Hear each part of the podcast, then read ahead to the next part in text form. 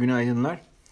Dün e, Fed Başkanı Jerome Powell temsilci, Temsilciler Meclisi'nde yaptığı konuşmada bir soruya cevaben enflasyondaki artışın önemli bir kısmının veya tamamının ikinci el araç satışları gibi ekonominin açılması ile doğrudan ilişkili kalemlerden kaynaklandığını söyledi. Bu normal. Bunu zaten biliyoruz. Biz de konuşuyorduk. Ama sonrasında e, bence konuşmanın en önemli e, sözünü etti. Dedi ki bu etkilerin Fed'in beklediğinden daha uzun süreli sonuçları olabileceğini söyledi. Yani bu şu demek oluyor. E, bir süredir yayınlarda da bahsettiğimiz bir konu bu. Fed e, aslında enflasyonun geçici olduğunu söylüyordu ama e, piyasa pek böyle bir fiyatlama yapmıyordu. E, enflasyonun hala orada olduğunu ve biraz daha Fed'in beklediğinden daha güçlüce geleceğini e, fiyatlıyordu piyasa. E, sonuçta en yüksek perdeden bu durum biraz kabul edilmiş gibi gözüküyor. Yani e, enflasyon geçici ama o kadar da geçici değil. Hala enflasyonun yükselecek çok yeri var gibi gözüküyor. ve kalıcı bir, bir miktarda bunun kalıcı olacak gibi gözüküyor. Dün ayrıca New York Fed Başkanı John Williams e, ekonomide ilerleme kaydedildiğini ama henüz bunun yeterli seviyede olmadığını söyledi. Yani bunun çevirisi şöyle oluyor. Daha taper için beklemeniz gerekiyor. Cleveland Fed Başkanı Loretta Mester da istihdam ile ilgili açıklamalar yaptıktan sonra şöyle söyledi. Yazı geçirelim ondan sonra görünüm daha belirgin olacak diyerek taper konusundaki beklentileri biraz öteledi. Şimdi e, tabii ben ilk defa yazı gibi geçirelim diye bir ifade görüyorum. Dolayısıyla e, Ağustos ayındaki Jackson Hole toplantısını acaba pas mı geçecekler diye ufak ufak bir düşünmeye başladım. Ama bunu bakalım destekleyici açıklamalar gelecek mi? Hala burada e, Jackson Hole toplantısı en güçlü adayım ama bakalım bunu göreceğiz.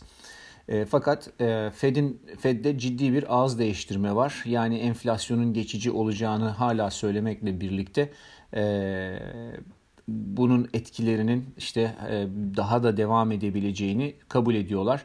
Muhtemelen bu noktada e, bir süre sonra tahvil piyasasında yine biraz yukarı doğru hareketlilik olur diye düşünüyorum. E, bu sabahki fiyatlamalara baktığımızda Nasdaq'taki rekor kapanışın ardından Asya endeksleri ve Amerikan endek Amerikan vadelileri hafif artıda. Asya biraz karışık, bazıları artı, bazıları da ekside. Tahvil piyasası ise e, FED sonrasında hala sanki yön bulmaya çalışıyor. 10 yıllık tahvil faizi %1.50'nin altından geçiyor. Amerika'da enflasyon beklentileri ve tahvil getirilerine bakıyorum. Hafifçe yukarı dönmüş durumda ama hala Mayıs ortasından bu yana gözlemlenen negatif eğimli kanalın üzerine atmış değil. Yani belirgin bir şekilde yukarı döndüğünü söylemek mümkün değil. Enflasyona endeksi tahvil getirisi ise e, bu bahsettiğim duruma göre daha da e, aslında umutsuz görünüyor. Aşağıda bir, bir net bir şekilde aşağıda hiç yukarı dönmüş değil. Yani e, ilginç bir şekilde şu anda çok enflasyon e, fiyatlaması yok gibi gözüküyor. E, buna rağmen reel getirinin aşağıda kaldığını görüyoruz. İşte bu o enflasyona endeksli tahvil getirisinin e, hiç yukarı dönememiş olmasıyla birlikte reel getiri de aşağıda kalmış aslında. Fakat e, yine de altında çok belli bir tepki olmadı. Normal şartlarda burada altının yukarı doğru bir tepki vermesi gerekirdi. Şimdi e-mail notunda da paylaştım. Amerikan 10 yıllık başa baş şı ile e, nominal getiri spreadinin inverted grafiği yani terse döndürülmüş grafiği ile altın arasında çok net görülen bir korelasyon var aslında.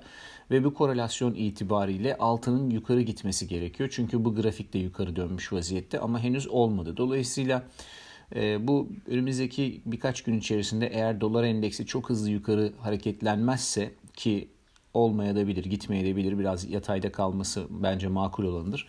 Ee, altında 1810-1820 bölgesine kadar bir yükseliş hareketi görürüz diye düşünüyorum. Bunu daha önce de söylemiştim. Ee, gümüşte de aynı şekilde yükseliş beklentimiz devam ediyor. E, gün içi işlemciler için altında trade etmek isteyenler 1780-1775 aralığında alım denemek e, denemeyi düşünebilirler. Yukarıda ise 1795-1800 aralığı pozisyonları realize etmek için uygun olabilir. Petrol tarafında dün açıklanan API verisi beklentimize paralel olarak stokların 7.2 milyon varil azaldığını gösterdi. Ama ham petrol stokları azalırken benzin stokları 960 bin varil, e, dizel stokları 992 bin varil artmış. Sayılar çok önemli değil. Neticede piyasa 3 aşağı 5 yukarı yine azalan ham petrol stoklarını fiyatladı. Çünkü haklı 5 haftadır e, ham petrol stokları API verisine göre azalıyor ve son 2 hafta e, geçen hafta 8,5 milyon varil bu hafta 7,2 milyon varil e, yani 15 milyon varilden fazla 2 haftada azalmış. Bu oldukça e, ciddi bir miktar. E, tabii dolayısıyla fundamental hala petrol fiyatını yukarı doğru e, desteklemeye devam ediyor.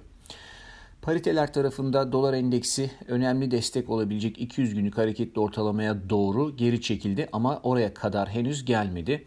Ee, burada dolar endeksinde e, tekrar longa girmek için e, aslında güvenli teknik görünüm yani fundamental'da bir değişiklik olmadığını varsayarsak güvenli teknik görünüm aslında 91.5 seviyesindeki hareketli ortalamanın altının test edilip sonra da gün sonunda bunun üzerine doğru e, yani satışın karşılanması ve bunun üzerinde kapanış yapmasını görmek isteriz.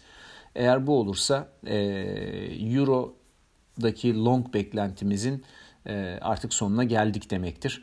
E, tıpkı altında olduğu gibi yine Euro dolar paritesinde e, 1.20'nin üzerindeki seviyelere kadar e, hareketlilik olacağını düşünüyorum.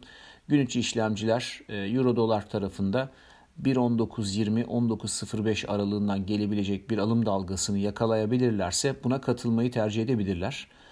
Yukarıda ise 1.20'nin üzerinde satışa yönelik pozisyonlar denenebilir. Bugünlük bu kadar arkadaşlar. Herkese iyi seanslar.